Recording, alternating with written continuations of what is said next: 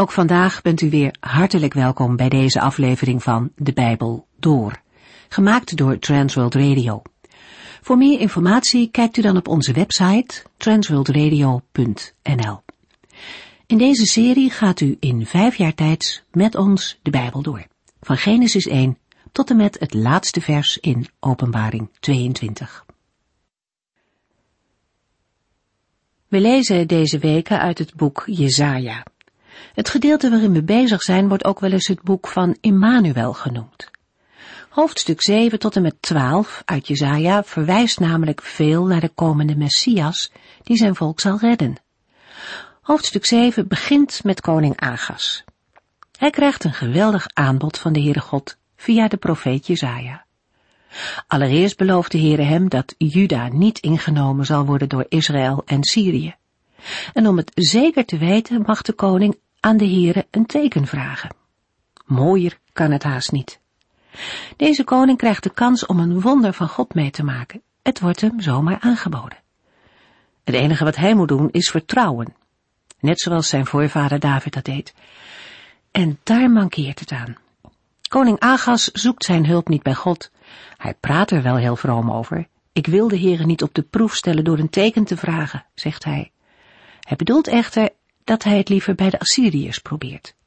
Ik doe het zelf wel, u hoeft me niet te helpen. Dat is zijn eigenlijke boodschap aan de Heere. En het gevolg is dramatisch. Jezaja voorzegt dat de Assyriërs met al hun vreedheid Syrië en Israël, maar ook Juda zullen innemen. De Heere God geeft, ondanks de weigering van Agas, toch een teken. Het zal duidelijk worden dat wat er gebeurt niet buiten hem omgaat. Het teken van de Heer is een jonge vrouw die een baby krijgt en hem Immanuel noemt. Deze profetie heeft een dubbele betekenis. Allereerst verwijst Jezaja naar een voor ons onbekende vrouw uit zijn tijd, een maagd die zwanger werd en haar zoon Immanuel noemde. In die geestelijke donkere tijd waarin de koning en het volk de Heere verlieten, was er een gelovige vrouw. Met de naam van haar kind liet zij weten dat de Heere altijd dichtbij is, ook in een politiek moeilijke tijd. Immanuel, God is met ons. Het teken is confronterend voor Agas en de zijne, want die jonge vrouw wijst de enige uitweg.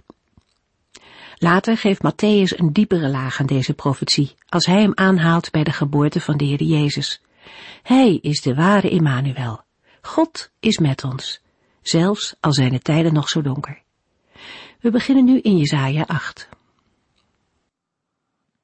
In de vorige uitzending hebben we gelezen in Jesaja 7 dat Agas in moeilijke omstandigheden verkeert. Maar hij weigert op de Here te vertrouwen. Toch zullen de vijanden, Pekach en Rezin, zich terugtrekken. Daar staat tegenover dat de Assyriërs daarna het land zullen verwoesten. De tegenstelling met de houding van de andere volken, in Jesaja 2, is erg groot. De boodschap van Jesaja is duidelijk. De alliantie van Israël en Syrië is zeer bedreigend. De negatieve keuze van Agas heeft tot gevolg dat de zelfstandigheid van het koningshuis van David eindigt bij Agas. Latere koningen hebben bijna steeds te maken gehad met overheersing door anderen, eerst de Assyriërs en daarna de Babyloniërs. Jezaja communiceert ook speciale boodschappen door de namen van kinderen. De naam Sear Jasub betekent dat God na een ernstige crisis met een rest zal doorgaan. Door de naam Immanuel wordt vertrouwen op de Heere uitgedrukt. Jezaja komt in Jezaja 8 daarop terug.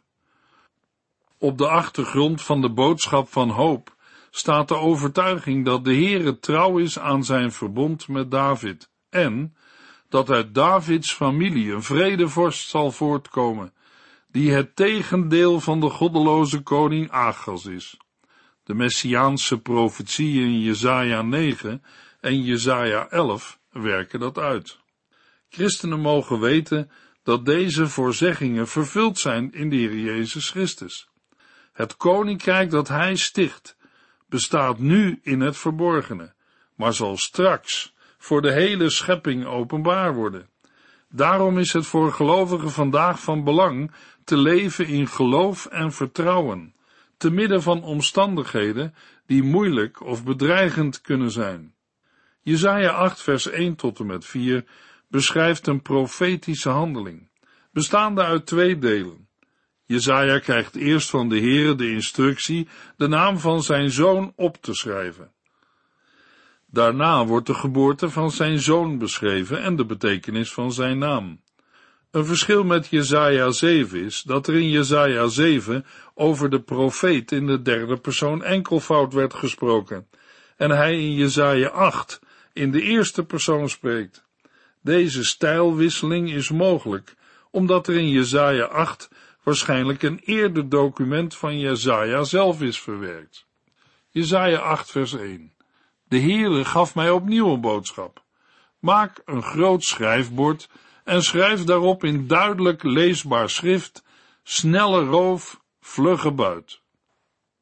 Jezaja ontvangt van de Heere de opdracht een groot schrijfbord te nemen en daarop met een gewone schrijfstift te schrijven Maher Shalal Gasbas.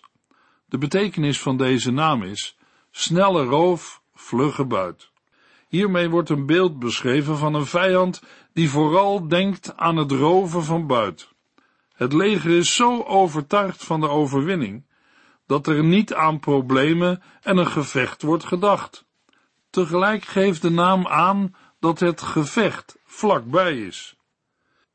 Jesaja 8 vers 2 Ik vroeg de priester Uria en Segaria, de zoon van Jeberechjahu, die beide bekend stonden als eerlijke mannen, toe te kijken terwijl ik het opschreef, zodat zij konden getuigen dat ik het had opgeschreven. Jezaja betrekt bij het proces van het opschrijven van de woorden twee getuigen, Uria de priester en Segaria, de zoon van Jeberechjahu. Over Segaria weten we niets met zekerheid, maar van Uria is bekend dat hij als priester het altaar maakte dat koning Agas in Damascus had gezien. Segaria is voor ons onbekend maar mogelijk dat hij de vader was van Abi, de vrouw van Agas. Eventueel kan Segaria de mentor van Uzia zijn geweest. Voor belangrijke zaken waren tenminste twee getuigen nodig. Over de priester Uria lezen we in 2 Koningen 16. Van hem kunnen we aannemen dat hij geen geestverwant van Jezaja was. Waarschijnlijk zijn beide mannen vanwege hun hoge positie gevraagd om getuige te zijn. Het is overigens de vraag of Jezaja op dat moment precies heeft geweten wat de betekenis van de woorden was die hij opschreef. In ieder geval moest later aangetoond kunnen worden dat deze naam opgeschreven was voordat de gebeurtenissen werkelijkheid werden. Jezaja 8 vers 3 toen had ik gemeenschap met mijn vrouw. Ze werd zwanger en kreeg een zoon. En de Heere zei, noem hem snelle roof, vlugge buit. In de Hebreeuwse tekst van vers 3 lezen we, en ik was genaderd tot de profetes. De aanduiding profetes wordt gebruikt voor Mirjam, Deborah, Gulda en Noatja. In Jesaja 8 verwijst het woord profetes naar de vrouw van de profeet. Beschikte zij ook over profetische gaven, of wordt zij alleen zo genoemd als echtgenote van de profeet? Jezaja vertelt dat hij gemeenschap had met zijn vrouw. Zijn vrouw raakt in verwachting en er wordt een zoon geboren. De Heere geeft aan Jezaja de opdracht hem Maher Shalal Gasbas te noemen, wat betekent snelle roof vlugge buit. Jezaja 8 vers 4 Deze naam voorzegt dat binnen enkele jaren, nog voordat dit kind vader of moeder kan zeggen, de koning van Assur Damascus en Samaria zal verslaan en hun rijkdommen zal bemachtigen. De woorden die de profeet Jezaja eerder in het bijzijn van twee getuigen moest opschrijven, blijken nu de door de Heere gewenste naam van zijn zoon te zijn. Daarna volgt in vers 4 een toelichting op de naam. Nog voordat de jonge vader of moeder zal kunnen zeggen, zullen de rijkdommen van Damascus en Samaria worden geroofd door de koning van Assur. Hiermee wordt aangegeven dat de hoofdsteden van het noordelijke rijk en van Syrië geplunderd zullen worden. De twee genoemde koningen vormden in Jesaja 7 een grote bedreiging voor koning Agas en voor Jeruzalem. Als we ervan uitgaan dat de verklaring van de naam van Jezaja's zoon rond 735 of 734 voor Christus werd gegeven, en dat Samaria in 733 voor Christus werd geplunderd door Tiglat-Pileser III, dan is de in Jesaja 8 uitgesproken profetie binnen één of twee jaar in vervulling gegaan. Opnieuw wordt de naam van een kind gebruikt om iets over de toekomst te voorzeggen. Het gebeurde al eerder in Jesaja 7 bij Seir Jasub en Immanuel, en het vindt in Jesaja 8 opnieuw plaats, als ook in Jesaja 9 vers 5. Jesaja 8 vers 5 tot en met 7. Toen sprak de Heer opnieuw tegen mij en zei, omdat de Israëlieten het rustig kabbelende water uit de Siloach-vijver weigeren en het beter vinden het leger van Assur tegen koning Rezin en koning Pekach te hulp te roepen, zal ik mijn volk overweldigen met de machtige vloedgolf van de Eufraat, de koning van Assur, en al zijn machtige legers zullen tegen hen optrekken. Korte tijd na de naamgeving van de zoon van Jezaja spreekt de Heere opnieuw tot de profeet. In de voorgaande versen klonk de hoopvolle boodschap dat Damascus en Samaria, de hoofdsteden van de twee staten die Juda bedreigden, vernietigd zouden worden. Maar nu volgt in Jesaja 8 vers 6 de anticlimax. Juda zal worden overweldigd door de Assyriërs. Koning Agas en de Judeërs kunnen gedacht hebben dat ze de juiste keuze maakten door op de koning van Assur te vertrouwen. Maar de Heere voorzegt door Jezaja dat de toekomst iets anders zal laten zien. De profetie begint met een onderbouwing van de aankondiging van het oordeel over Juda. Juda heeft geen vertrouwen meer in het rustig stromende water van de Siloach-vijver. Waarschijnlijk doelt de tekst hier op het water van Siloach, omdat het een aftakking vormde van de bron Gigon ten zuidwesten van de stad. Vanaf de bron Gigon voerde in de tijd van de Kanaanieten een met stenen afgedekt kanaal het water naar het zuiden van de stad Jeruzalem. Het kanaal liep een beetje af en daardoor zal het water niet snel hebben gestroomd. Koning Hiskia legde er een tunnel aan, maar dat was na de tijd van Agas. Volgens archeologen had de naam Siloach in de tijd van de Tweede Tempel betrekking op het hele watersysteem, namelijk de bron, de tunnel van Hiskia en de Siloachvijver. Mogelijk is er ook een verbinding met de bron in Jozua 18, en werd de bron Gigon in de tijd van Jozua en Semes genoemd. Het rustig kabbelende water is een metafoor voor de Heere. Hij wordt door de Judeërs verworpen. In Psalm 36, vers 9 en 10 lezen we, zij genieten van al het goede dat u hun biedt, en u overspoelt hen met uw zegeningen, want u bent de bron van al het leven. Als wij in uw licht staan, zien wij de dingen duidelijk. Maar de keuze van Juda is anders. Zij vinden het beter het leger van Assur tegen koning Rezin en Pekach te hulp te roepen. Het gevolg is dat Juda niet wordt overspoeld met de zegeningen van de Heere, maar met de machtige vloedgolf van de Eufraat, de machtige legers van de koning van Assur. Agas had meer vertrouwen in een vriendschapsverdrag met de Assyrische koning Tiglat-Pileser en wees met die keuze de God van Israël af. Maar degene op wie Agas en de zijnen vertrouwden, zou zich meedoogloos tegen hen keren.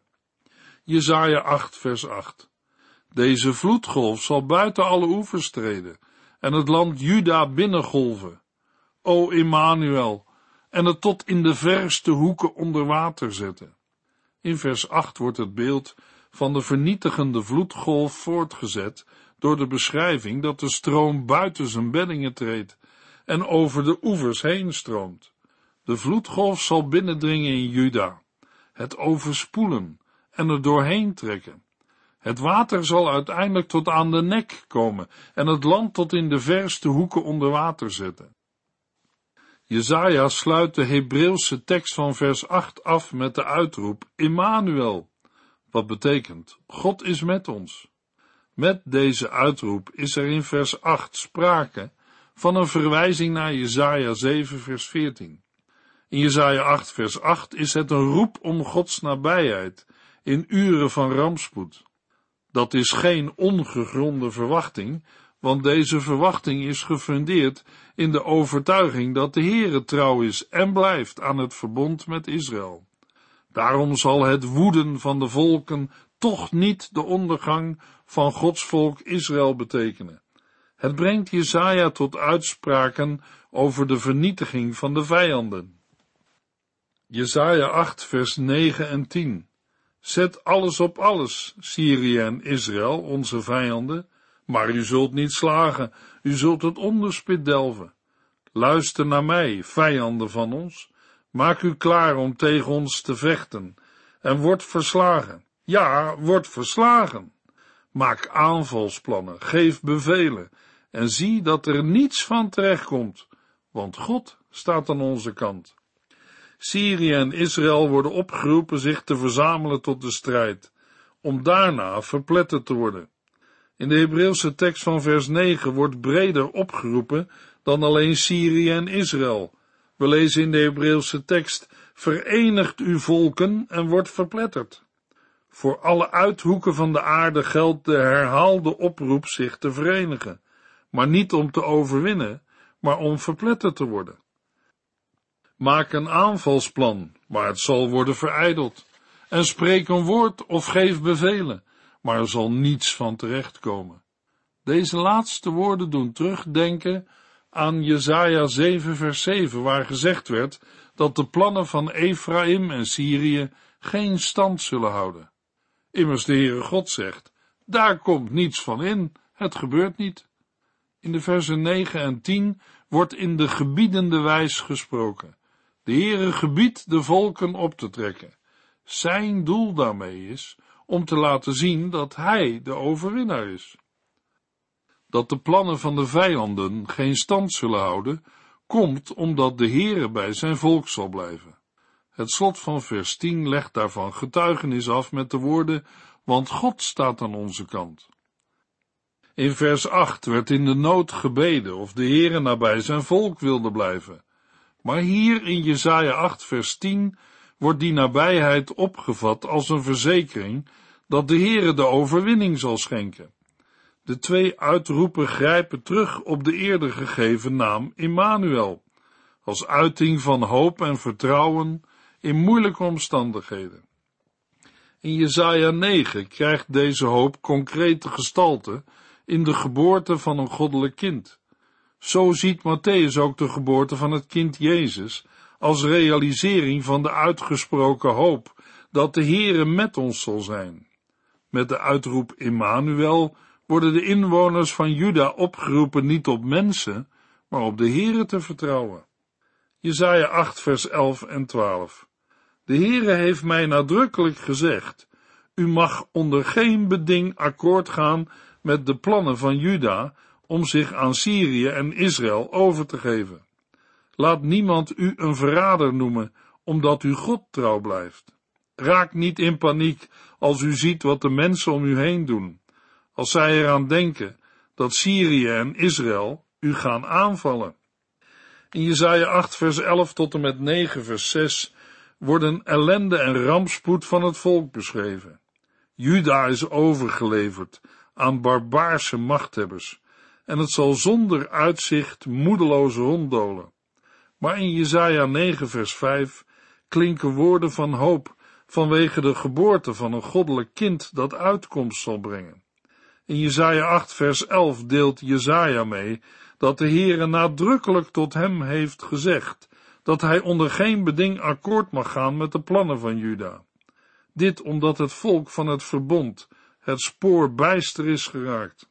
In vers 12 spreekt Jezaja de mensen om hem heen direct aan. Laat niemand u een verrader noemen, omdat u God trouw blijft.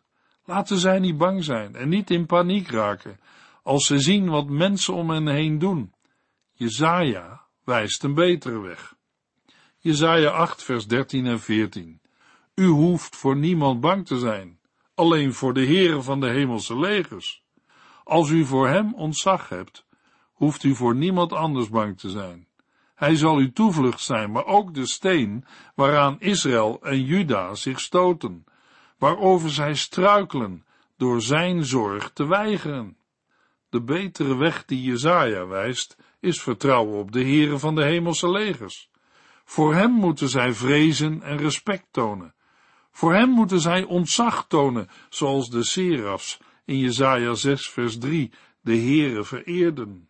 Hij zal uw toevlucht zijn, een plaats van bijzondere beschutting. Maar de aanwezigheid van de Heere heeft ook een andere kant. Voor de twee koningshuizen, Israël en Juda, is de Heere ook een steen waarover zij struikelen en een rots waarop zij kunnen verpletteren. Jezaja 8 vers 15 Velen zullen struikelen en verpletterd worden. Voor de Israëlieten heeft de Heere twee kanten. Als ze hem zijn toegewijd, worden zij gezegend en beschermd. Maar als ze van hem afvallen, overkomt hun ellende. Jezaja 8 vers 16 Schrijf alles op wat ik ga doen, zegt de Heere, en verzegel het voor de toekomst. Vertrouw het toe aan een Godvrezende man, die het weer kan doorgeven aan Godvrezende mensen die hem opvolgen. De Heere roept Jezaja op alles wat de Heere gaat doen op te schrijven en te verzegelen voor de toekomst. Met deze woorden wordt gedoeld op zaken die de Heere eerder door middel van de profeet had geopenbaard. Laten de leerlingen van Jezaja, Godvrezende mannen, letten op de gegeven boodschappen en tekenen van de Heere, en ook wachten op de zaken die komen. Sommige uitleggers zijn van mening dat het slot van vers 16 aangeeft dat Jezaja zich terugtrok uit zijn publieke taak, maar daarvan is geen sprake, omdat de tekst spreekt van een actieve bediening van Jezaja. De profeet gaat door met zijn taak. Jezaja 8 vers 17 en 18. Ik zal op God vertrouwen. Ik wacht op het moment dat de Heer ons te hulp komt, ook al verbergt hij zich nu. Ik en de kinderen die God mij gegeven heeft, hebben symbolische namen, die de plannen van de Heere van de hemelse legers met zijn volk onthullen. Jezaja betekent, de Heere zal zijn volk redden. Sear betekent, een restant zal terugkeren.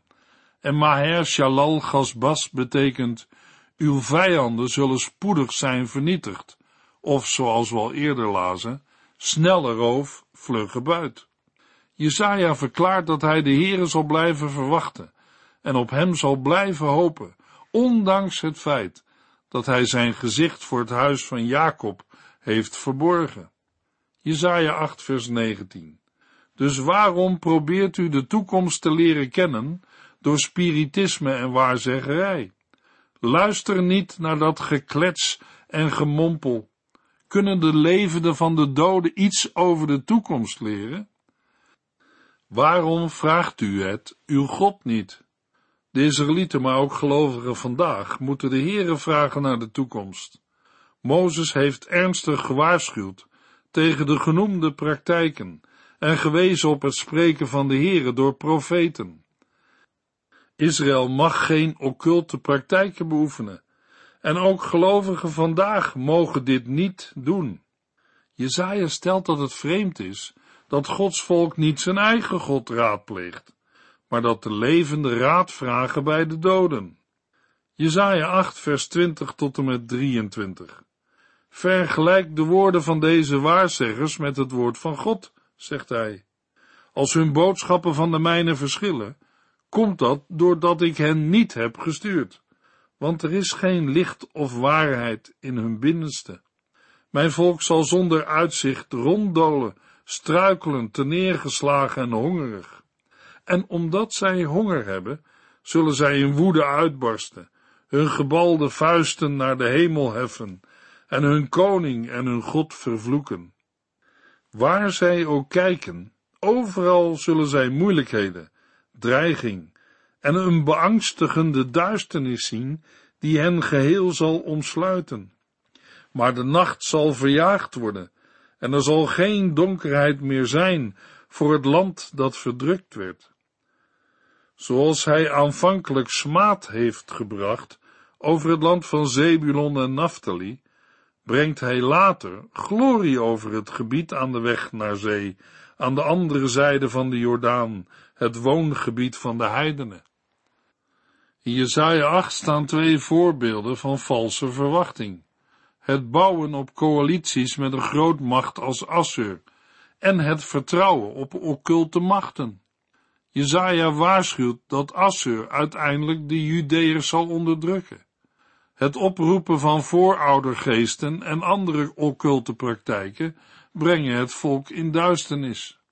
Aan deze waarschuwingen ligt de overtuiging ten grondslag dat alleen de Heer in staat is te helpen. Wie op hem vertrouwt, zal leven, en wie op andere machten bouwt, zal door die machten worden onderdrukt. Jezaja profeteert in het bijzijn van getuigen en verzegelt zijn boodschappen in afwachting van de tijd van vervulling. Hiermee wordt de betrouwbaarheid van de profeet onderstreept en ook aangegeven dat de Heere zijn woord bevestigt. De profetische boodschap bedoelt het hart van zijn volgelingen te raken, zodat ze tot vernieuwd en verdiept vertrouwen op de Heere komen.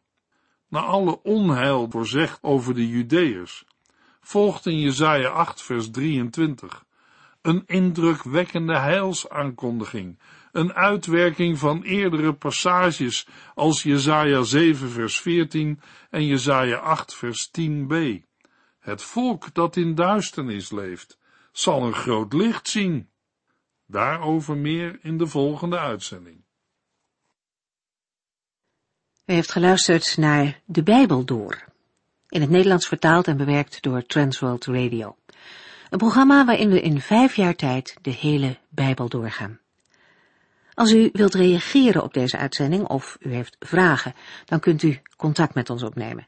Tijdens kantooruren kunt u bellen op 0342 478432 0342 478432.